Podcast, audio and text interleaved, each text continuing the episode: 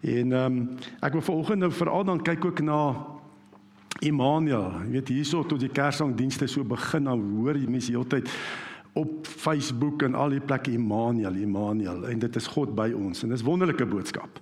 Maar as jy volle betekenis van Immanuel wil verstaan, moet ons gaan kyk hoe dit oorspronklik nee geprofeteer is deur die profeet Jesaja. Ehm um, waarna hier ook in Matteus 1 verwys is, nê, nee, dit alles gebeur so die woord van die Here deur die profeet gesê het vervul sou kom eh, vervul sou word. En daarom lees ek vir ons Jesaja 7. Jesaja 7 want daai skrifgedeelte verwys na Jesaja 7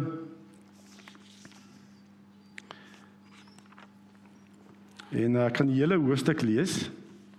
Dit ons net die konteks ook kry van die profetiese woord. Jesaja 7 vanaf vers 1 lees ek.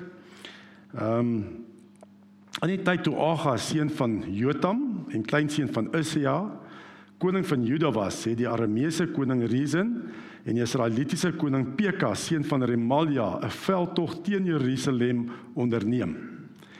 Die veldtog het egter op niks uitgeloop nie. Die berig dat die Arameese Arameërs reeds in die Israelitiese gebied in Efraim kamp opgeslaan het, het vir Agas, die koning uit die slag van Dawid in Jerusalem bereik. En hy en sy volk het baie bang geword. Hulle het gebewe soos die bome in die bos bewe in die wind. Die Here het toe vir Jesaja gesê: "Vat jou seun Sear Jasub saam en gaan ontmoet vir Agas op die pad na die Blykveld toe by die punt van die kanaal uit die boonste dam.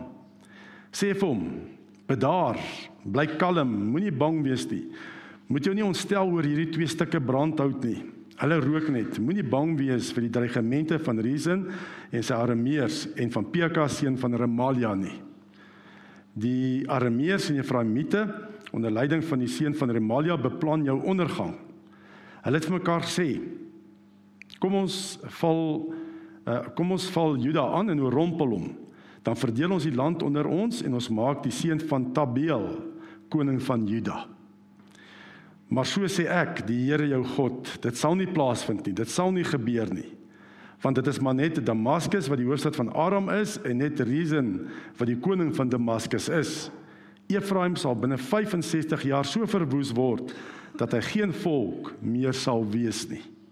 Want dit is maar net Samaria wat die hoofstad van Efraim is en net Pekah, seun van Remalia wat koning van Samaria is maar ook julle sal nie standhou nie as julle nie in die geloof standhou nie. Verder die Here gesê, jy moet ook nog vir Agas sê, vra van die Here jou God 'n teken, enigiets, diep uit die doderyk of uit die hoogtes daarbo. Maar Agas het geantwoord, ek sal niks vra nie, ek sal die Here nie tart nie. Toe sê Jesaja, luister geslag van Dawid, is dit vir julle nie genoeg om mense te vermoei nie? Dat julle nou ook my God moet vermoei. Die Here sal daarom self vir julle 'n teken gee. 'n Jong vrou sal swanger word en 'n seun in die wêreld bring en sy sal hom Immanuel noem. En dis ook ons fokusvers. Hy sal net vir dikmelk en heuning hê om te eet totdat hy weet om te verwerp wat verkeerd is en te kies wat goed is. Maar voordat die seentjie weet om die verkeerde te verwerp en die goeie te kies, sal die lande van die twee konings vir wie hy bang is, verwoes lê. Wat jou, jou volk en jou familie betref, die Here sal 'n tyd oor julle laat kom sodat nie was sedert die dae toe Efraim van Juda af weggebreek het nie. Dit sal gebeur deur die koning van Assirië.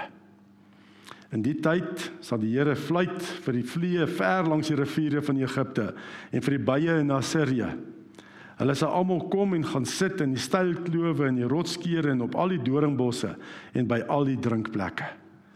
In die tyd sal die Here julle kaal skeer, die hare op julle koppe en op julle liggaam en ook julle baarde. Hy sal dit doen met 'n skeermes wat oor kan die Eufraat gehuur is, die koning van Assirië. In die tyd sal iemand wat net 'n jong koei en twee e-, oeye aan die lewe hou, dik melk hê om te eet danksy die oorvloed melk wat hulle gee. Die wat in die land oorbly, sal almal dik melk en heuning eet. In die tyd sal elke stuk grond waar 1000 waardevolle wingerdstokke gestaan het, oortrek wees van dorings en distels. 'n Mens sal daar net met 'n pyl en 'n boog kan kom omdat die hele land vol dorings en dussels sal wees. Uit vrees vir die dorings en dussels sal niemand meer erns op die heuwels kan kom wat voorheen met 'n pik bewerk is nie. Dit sal net 'n plek wees waar 'n mens beeste injag en wat deur klein vee vertrap word. Fokusvers is vers 14, die teken wat die Here gee aan uh, koning Agas en hy sê die Here sal dan homself vir julle vir hulle vir julle 'n teken gee. 'n Jong vrou sal swanger word en 'n seun in die wêreld bring en sy sal hom Immanuel noem. Ja, as mens dink aan Kersfees, nê, nee, dan dan wil mens amper na Kersfees kyk soos die wêreld daarna kyk, nê. Nee. Dis mooi liggies, dit is vrede, dit is vreugde, dit is alles is net goed en reg, nê. Nee. Dit is wat eintlik half so kunsmatig geskep wil word deur Kers deur die wêreld, Kersfees. En veral in die winkels sien 'n mens dit. Nee, mens dink net aan vrede, vreugde, wonderlik. Ehm um, maar Eh, dit is ook 'n deel daarvan. Dit is ook 'n deel van eh, van Kersfees se boodskap. Dit gaan oor vrede, vreugde want God het na die wêreld gekom. En so staan daar ook in Lukas 2 vers 14: Eer aan God in die hoogste hemel en vrede op aarde vir mense en wie hy welbehaag. Die engele gee dit vir die skaapwagters, net daar in die oop veld, sê hulle dit. So dit is deel van Kersfees. Maar en dan ook Ehm um, wat ons ook kan sien ook hierdie gedeelte wat ons gelees het ook ehm um, dit word vervul dan ook met Jesus se geboorte. Soos wat ons gelees het in Matteus 1 vers 22 tot 23, nê nee, hier waar die profeet geprofeteer het 'n jong vrou sal swanger word. En in Matteus 1 vers 22 tot 23 staan dit alles gebeur so die woord wat die Here deur sy profeet gesê het vervul sou word. Die maagd sal swanger word en 'n seun in die wêreld bring en hulle sal hom Immanuel noem. Die naam beteken God by ons. Ehm um, maar nou moet ons ook hierdie Immanuel boodskap in konteks verstaan. Daar's 'n groot deel van vrede, vreugde, liefde, genade, baie groot deel. Maar as ons gaan na die oorspronklike ehm um, profesie wat Jesaja gegee het, nê. Nee, ons gaan kyk in die konteks. Dan kom ons ook agteruit hierdie konteks. Dit het nie net gegaan oor vrede en vreugde en liefde en genade nie. Dit was ook dat dit was 'n deel daarvan, maar daar was ook 'n element van oordeel gewees. As ons jy lees hier in Jesaja 7. Immanuel is 'n heilsboodskap. Maar daar's ook 'n boodskap van oordeel van van bekering wat moet plaasvind. Ehm um, En dan kom ons ook agter hier in Jesaja 7. God se oordeel is nie eerstens teenoor die ander volkere. Maar eerstens word God se oordeel eintlik gerig aan sy verbondsvolk. Nee, aan aan aan Juda. Want die profeet bring die boodskap hier aan God se verbondsvolk, aan Juda. En om dit nou te verstaan, dan moet ons weet hierso die dit was die bekende Sirius-Efraimitiese oorlog wat plaasgevind het so 734 tot 732 voor Christus. As ons hierdie boodskap van Jesaja wil verstaan. Nee, dis nie konteks van die Sirius-Efraimitiese oorlogvoering. En ehm um, dit was natuurlik wat daar ek net die konteks gee wat daar gebeur het. Ehm um, Assirië het opgekom as 'n nuwe wêreldmag en al die ander volkere was bang vir Assirië gewees. En toe maak sekere volkere 'n plan. Juda se noordelike buursvolke, nê, nee, dit is nou Efraim wat Israel is en ook eh, Sirië die Arameërs nê nee, besluit toe kom ons vorm 'n koalisie teen hierdie nuwe wêreldmag Assirië. Kom ons staan op teen hulle. En natuurlik die koning van Sirië of die Arameërs was Rezin gewees en Israel se koning was Peka. En hulle wou toe vir Juda sê kom saam met ons in hierdie koalisie dat ons kan opstaan teen hierdie nuwe wêreldmag. Maar Agas Juda wou dit toe nie doen nie. Hy het ander plannetjies gehad. Jy weet polities. Jy moet weet daar's baie politiek gewees hier. Wat is die beste vir my vir my volk om te kan voortbestaan? En omdat Juda nou nie wil deel raak van hierdie koalisie teen Assirië nie. Toe besluit nou ehm um, Efraim, nê, nee, Israel en ook die uh, uh, Arameërs, Sirië om vir Juda eerstens aan te val. Want hulle wil nie Agas wil nie deel word van hierdie koalisie teen Assirië nie. En dan trek hulle nou teen Juda op. En ehm um, Juda, koning Agas van Juda, besluit toe, nee, weet wat, is beter om in verbondsgemeenskap te gaan, nê, nee, om 'n verbond te sluit met Assirië, die nuwe wêreldmag. En dit is wat Agas se plannetjie in die agterkop is. Hy gaan eerder deel word van hierdie wêreldmag en aansluit by Assirië. En dan dink mense maar net, hy soek sy hulp by Assirië, die koning Tiglat-Pileser 3 van Assirië en en Agas is die troonopvolger van Dawid. Hy hy kom uit die koningshuis van Dawid. En dit is my so hartseer. Dit is so hartseer om te dink dat hy vergeet van God se beloftes aan die koningshuis van Dawid dat daar altyd 'n koning uit die geslag van Dawid op die troon sal sit. Hy vergeet daarvan. En hy besluit eerder nee, weet wat, vir my oorlewing moet ek met 'n Tiglat-Pileser 3 eerder 'n verbond aangaan. Hy vertrou nie op die Here nie. God wat 'n verbond gesluit het met Dawid in sy nageslag 2 Samuel 7 vers 16, waar God gesê het daar sal altyd 'n koning in Jerusalem wees. En dan gaan hy, ons lees daarvan in 2 Koning 16 vers 7, toe stuur Agas 'n boodskap na koning Tiglat-Pileser van Assirië: "Ek is u onderdaan en seun, ruk op en bevry my die mag van die koning van Aram en van die koning van Israel. Hulle val my aan." So wat doen hy? Hy stel hom absoluut. Hy vat die koningshuis van Dawid en plaas dit onder 'n heidense regering. Dis wat hy doen. Gaan 'n bondsgenootskap aan met hierdie koning van Assirië. Dit is so hartseer. En dan en dan kom die nou kom die profeet kom nou na Agas toe en sê vir hom Agas jy's besig met verkeerde dinge. Moenie bang wees vir Israel weet ek die 10 stamme ryk vir Efraim en vir Sirië nie. Moenie bang wees nie. Hulle is niks. In vers 4 moenie nou skielik verbonde aangaan met Assirië nie, want God sal jou red. Moenie bang vir, vir hulle wees nie. Ehm um, Jesaja sê vir Agas, hy sê vir hom in vers 4: "Bedaar, bly kalm, moenie bang wees nie. Moet jou nie ontstel oor hierdie twee stukke brandhout nie. Hulle rook net. Moenie bang wees vir die dreigemente van Rezin en sy armeers en van Pekah seun van Remalia nie."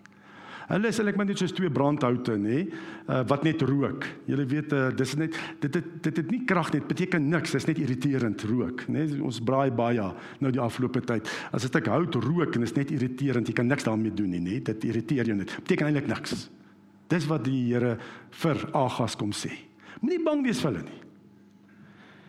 En hy gaan ook verder en hy sê glo in my.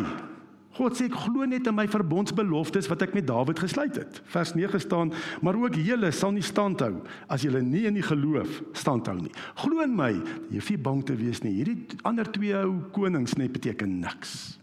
Glo net in my. Maar as jy nie in my glo nie, sal julle nie kan standhou nie."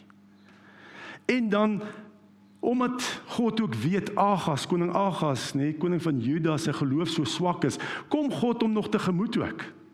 Hy sê vra vir my teken dat ek vir jou wys. Hierdie twee rokende stukke hout nê nee, gaan niks beteken nie, nê. Vra vir my teken, dan gee ek dit vir jou nê nee, en glo in my dat ek Juda sal verlos van Sirië en van Israel. Vra vir my teken. Maar Agas, hy weier. Nee, en dit klink so vroom. Hy sê in vers 12, maar Agas het geantwoord: Ek sal niks vra nie. Ek sal die Here nie tart nie. Dit klink so goed, nê? Nee. Jo, ek kan God nie beproef nie. Ek gaan hom nie toets nie. Ek gaan niks vra nie, ek gaan nie tart nie. Maar hoekom het Agas dit gesê? God kyk mos nou altyd na jou se gesindheid. Mens kan uiterlik nê kan jy die regte dinge doen, die regte woorde sê. Jy kan selfs in 'n erediens wees, die Here loof en prys, maar jou hart is ver van die Here af. Jou gedagtes is ver van die Here af. Dan beteken dit niks. Gaan nie oor die uiterlike nie. Dit wat ons sê, die mooi woorde wat ons sê nie, maar wat gaan in die hart aan? Hoekom sê Agas dit? Hy sê dit want hy klaar sy eie plan. Hy wil eerder met die koning van Assirië roep vir hulp om hom te kom verlos. Hy het klaar sy menslike plan gemaak.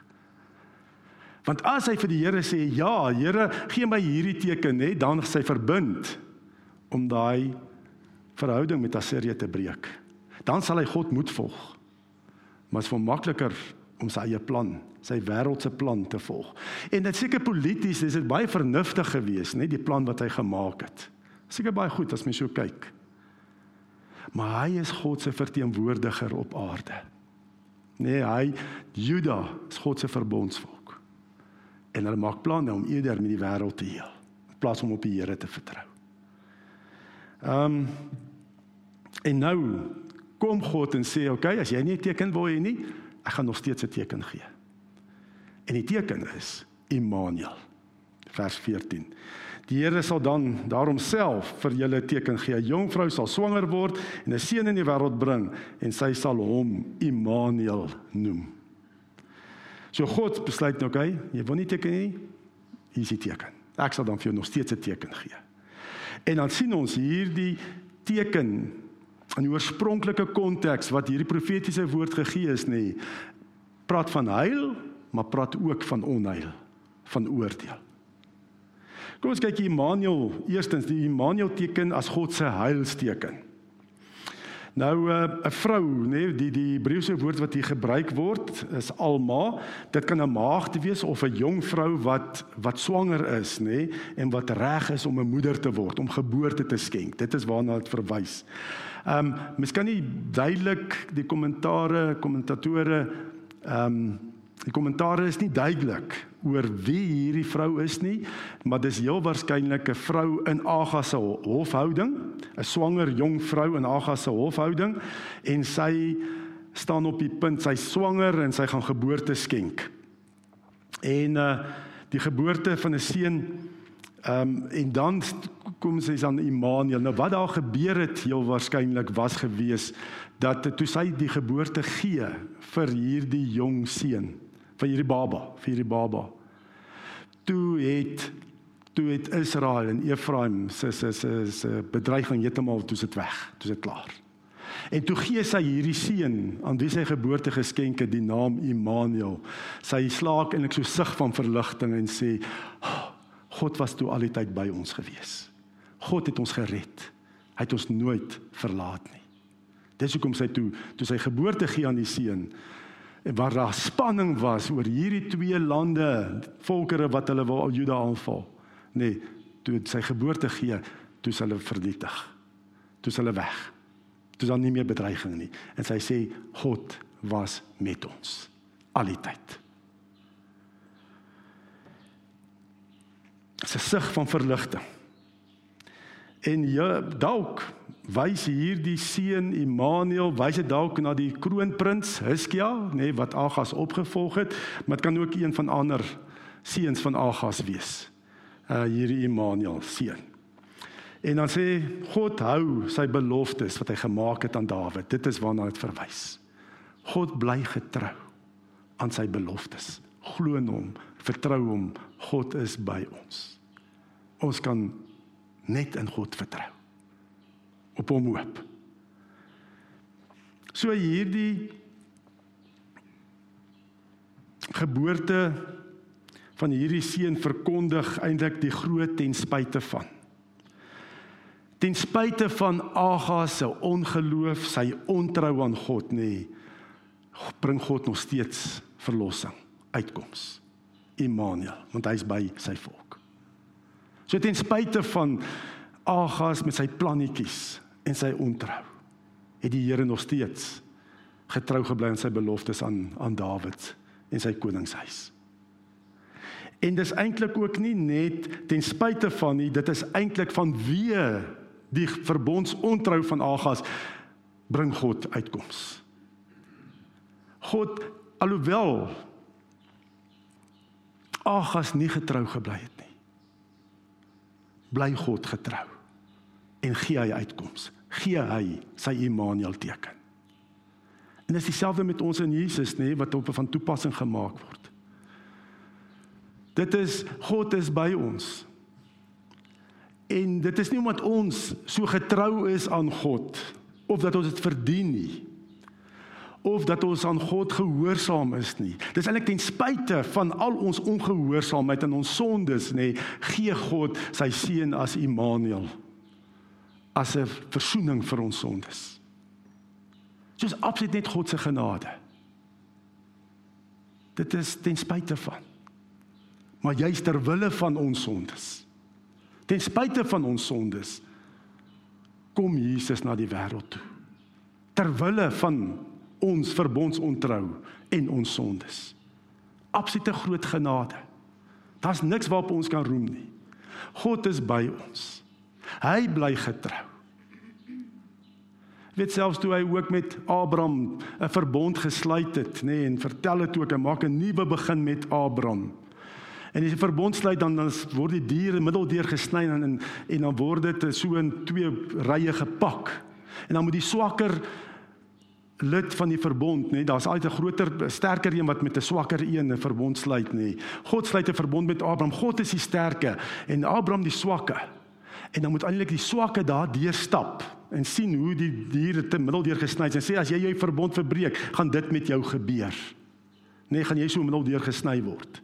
Maar wie gaan daardeur? God laat nie Abraham daardeur gaan nie. God gaan deur daai stukke vleis in 'n rokende oond, fakkel. Want God sê, ek weet Abraham, jy gaan nie getrou bly nie en jou nageslag gaan nie getrou bly nie. Agas gaan nie getrou bly nie. Die hele as jy gaan lees ook Jesus se geslagsregister, hoeveel mense in Jesus se geslagsregister wat ongelowig ontrou was aan die Here. Maar die Here sê ek gaan daardeur. Want op die einde sal ek geskeer word daar aan die kruis in jou plek vir jou sondes en jou verbondontrou. En dis wat die Here ook vir ons sê vandag. Dis die God se genade. Ons weet baie keer hoe ongelowig ons is. Hoe baie keer ons God se se se verbond, nê, nee, sy sy beloftes nie glo nie. En eintlik wêreldse plannetjies het nie. Maar God sê te, ten spyte daarvan en ter wille daarvan het ek vir jou gehang aan die kruis. Kom net terug elke keer, kom terug. Aanvaar my kruisoffer. En ek is by jou. Immanuel, want nadat Jesus verzoening gedoen het vir ons sondes aan die kruis, voor sy hemelvaart sê hy kyk ek is met julle al die dae tot in die volëinding van die wêreld. God is by ons. Ten spyte van ons sondes en ook ter wille van ons sondes het Jesus gesterf aan die kruis. Wat 'n wonderlike heilsteken. Maar daar's ook 'n daarom. Net die Immanuel teken is ook God se onheilsteken daar is ook 'n oproep tot bekering. Hierdie jong vrou slaak 'n sug van verligting en sy sê Immanuel, my baba, my baba seun is Immanuel. God by ons. God was altyd by ons. Maar as Agas dit hoor, nou hoor Immanuel watter boodskap het hy gekry? Hierdie seun is 'n teken van sy ongeloof, van sy eie menslike plannetjies. So die Immanuel, nê, veroordeel sekere mense en red ander. Red eerstens. Maar daar's ook 'n oordeel wat kom as jy nie glo nie. Soos wat Agas nie geglo het nie. Ehm um, daar staan ook die profeet sê ook hierdie seun Immanuel sal dik melk en heuning eet vers 15. En dis nou die tipiese voedsel van 'n nomade, woestynbewoners, nê, nee, mense wat rondtrek. So Juda gaan ook nie meer, nê, nee, gaan gaan soos 'n nomade volk wees. Ander volkere gaan hulle beleer, hulle grondgebied beleer en hulle gaan soos woestynbewoners moet leef, dik melk en heuning eet.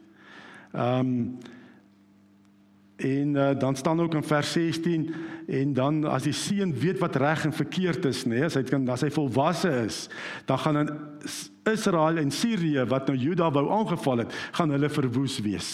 En dit gaan ook gebeur op die einde is Israel in die Assiriese ballingskap weggevoer.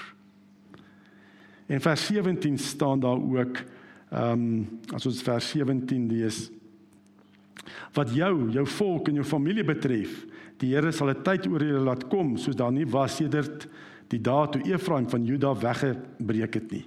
Dit sal gebeur deur die koning van Assirië.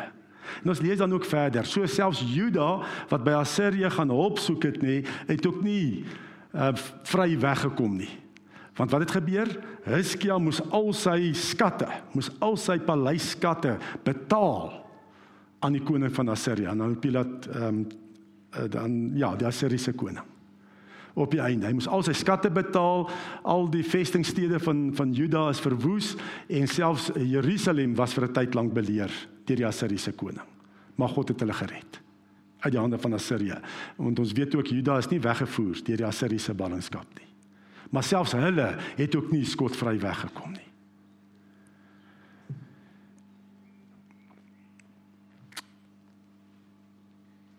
En dan en so sê dan ook met Jesus se geboorte ook sien ons die evangelie sny na twee kante toe.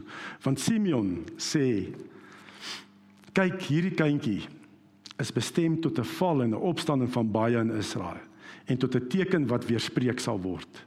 So sal die gesindheid van baie mense aan die lig kom en wat jou betref, 'n swaard sal deur jou siel gaan. So Jesus het skeiding gebring. Daar's gelowiges en daar's ongelowiges. Daar's mense wat gered word deur hom, maar daar's ander mense wat ongelowig is. En dis vandag nog dieselfde vir ons ook. Hoe reageer jy op die Kersboodskap? Op Jesus as Immanuel? Dis die vraag. Want baie mense kan nou praat van Kersfees en wonderlik en so. Maar hou ons glo ons regtig die Kersverhaal? Vandag gaan Kersfees nie net vandag wees nie. Kersfees gaan die hele volgende jaar ook wees. Jy gaan elke dag Kersfees, God se vrede, sy teenwoordigheid beleef. En as jy glo, nê, dan hoef jy nie bang te wees nie. So sê bedaar, bly kalm, moenie bang wees nie. Moet jy nie ontstel oor al hierdie bedreigings nie, bedreiging van ander volkere, van die COVID-19. Moenie bang wees nie. Glo in my, ek is by jou. Niks kan my uit jou hand uit niks kan my jou uit my hand uitruk nie. Want Jesus het die band, die brug gebou. En glo ons dit. En dan dink ons ook aan koning Agas. Ons het baie keer meer vertroue op ons eie menslike plannetjies as op God se plan vir jou lewe. Doen ons nie baie keer dat ons kom en sê Here, Hier's my beplanning, seën dit. In plaas om te sê Here, maar wat is u plan? En openbaar dit aan my dat ek dit kan volg. Ek dink nou ook aan ons muurkalender, ons beplanning vir volgende jaar. Nee, dis ons beplanning. En wil ons sê Here, ek wil al hierdie dinge doen, kom seën dit nie. Dis eintlik nou, tussen Kersfees en Nuwejaar 'n rustiger tyd. 'n Tyd wat ou bietjie kan gaan stil sit en by die Here sê, Here, nie my plan nie. Openbaar aan my u plan. U hoef nie my plan te sien nie. Wys my u plan vir my lewe en skakel my in by u heilsplan vir die wêreld. En dan gaan ons baie keer agterkom ons beplan baie oor ons eie koninkrykies. God se plan is heel anders. Gaan oor sy koninkryk. Vat hierdie tyd en vra vir die Here, Here 2021. Wat is u wil? Wat is u plan vir my lewe? En wat is 'n mooi aanduiding baie keer wat is God se plan vir jou lewe? Raak betrokke waar God besig is om te werk. Dis wat ek al agterkom met my lewe. Ek hoef nie dinge te probeer skep nie. God is besig om te werk in die wêreld. En ons hoor dit, dit gebeur daar, dit gebeur daar. Raak betrokke in jou lewe waar God besig is om te werk. En dis wat ons ook ons beplanning so gemaak het ook vir volgende jaar. Daar's mense dat jy kan hoor daar in Pretoria, God is besig om daar te werk. Warmbad, ons het ons getuienisdiens gehad. Ons wil net meer en meer betrokke raak daar waar God besig is om te werk. En dit is vir ons as gemeente maar ook vir jou as individu. Waar is God besig om te werk in jou lewe? Gaan raak bietjie stil, kalm. Ja, ons moet voorsien vir ons gesinne. Maar waar gebruik ek my gawes? Waar kan ek getuig? Want Kersfees is 'n boodskap van hoop vir 'n wêreld wat verlore gaan. God se plan is mos gaan dan heen maak disippels van alle nasies. Waar kan jy met jou gawes disippels van alle nasies maak? Dat mense ook kan kom en kan sê Immanuel, God is nou ook by my. God is nou ook in my. My liggaam is 'n tempel van die Heilige Gees. Ons enigste sekuriteit in hierdie onsekere tyd en ek weet nie ek weet vroeër nê nee, man my leeftyd is hierdie seker die mees onsekere tyd wat ek nog beleef het. Nee met hierdie COVID-19. Ons weet nie hoe mooi lyk alles vorentoe nie niks. Ek weet daar was al sulke pandemies in die wêreld. Daar was wêreldoorloë. So dit goed gebeur maar oor en oor. Man, my lewe is hierdie 'n redelike ernstige onsekere tyd vir ons almal. Nee, dat dat dat mense net voel is nie moeite werd om te leef nie. Um, Ons enigste sekuriteit is binne God se wil en plan vir jou lewe. Dis jou enigste sekuriteit. Menslike plannetjies kan net so val. Ons weet hoe die dinge geval het hierdie jaar met die grendeltyd. Dit val net so. Wat is God se plan vir jou lewe? Kom ons kom daarby uit. En uh kom ons verander daai gesindheid van om te sê Here, seën my planne. Maar eerder, Here, wys aan my u plan vir my lewe. Amen. Kom ons dank saam. Here, ons kom net na u toe in totale afhanklikheid en ons sê Immanuel, u is by ons.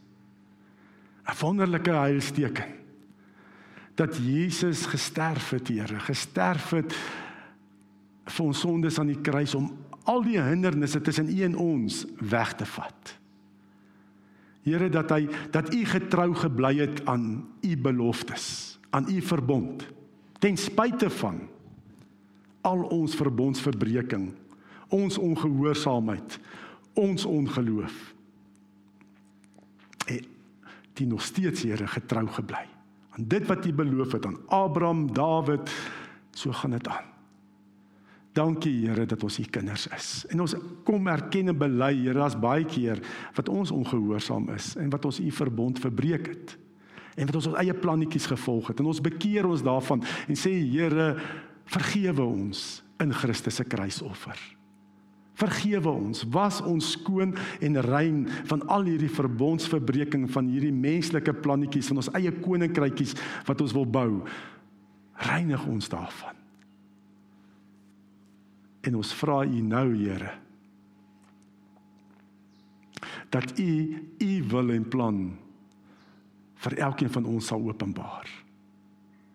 Here, dat dit duidelik sal wees vir ons as individue, vir ons as gesin, vir ons as familie en vir ons as geloofsfamilie, as gemeente wat U hier geplaas het. Heilige Gees, vul ons en lei ons op u pad.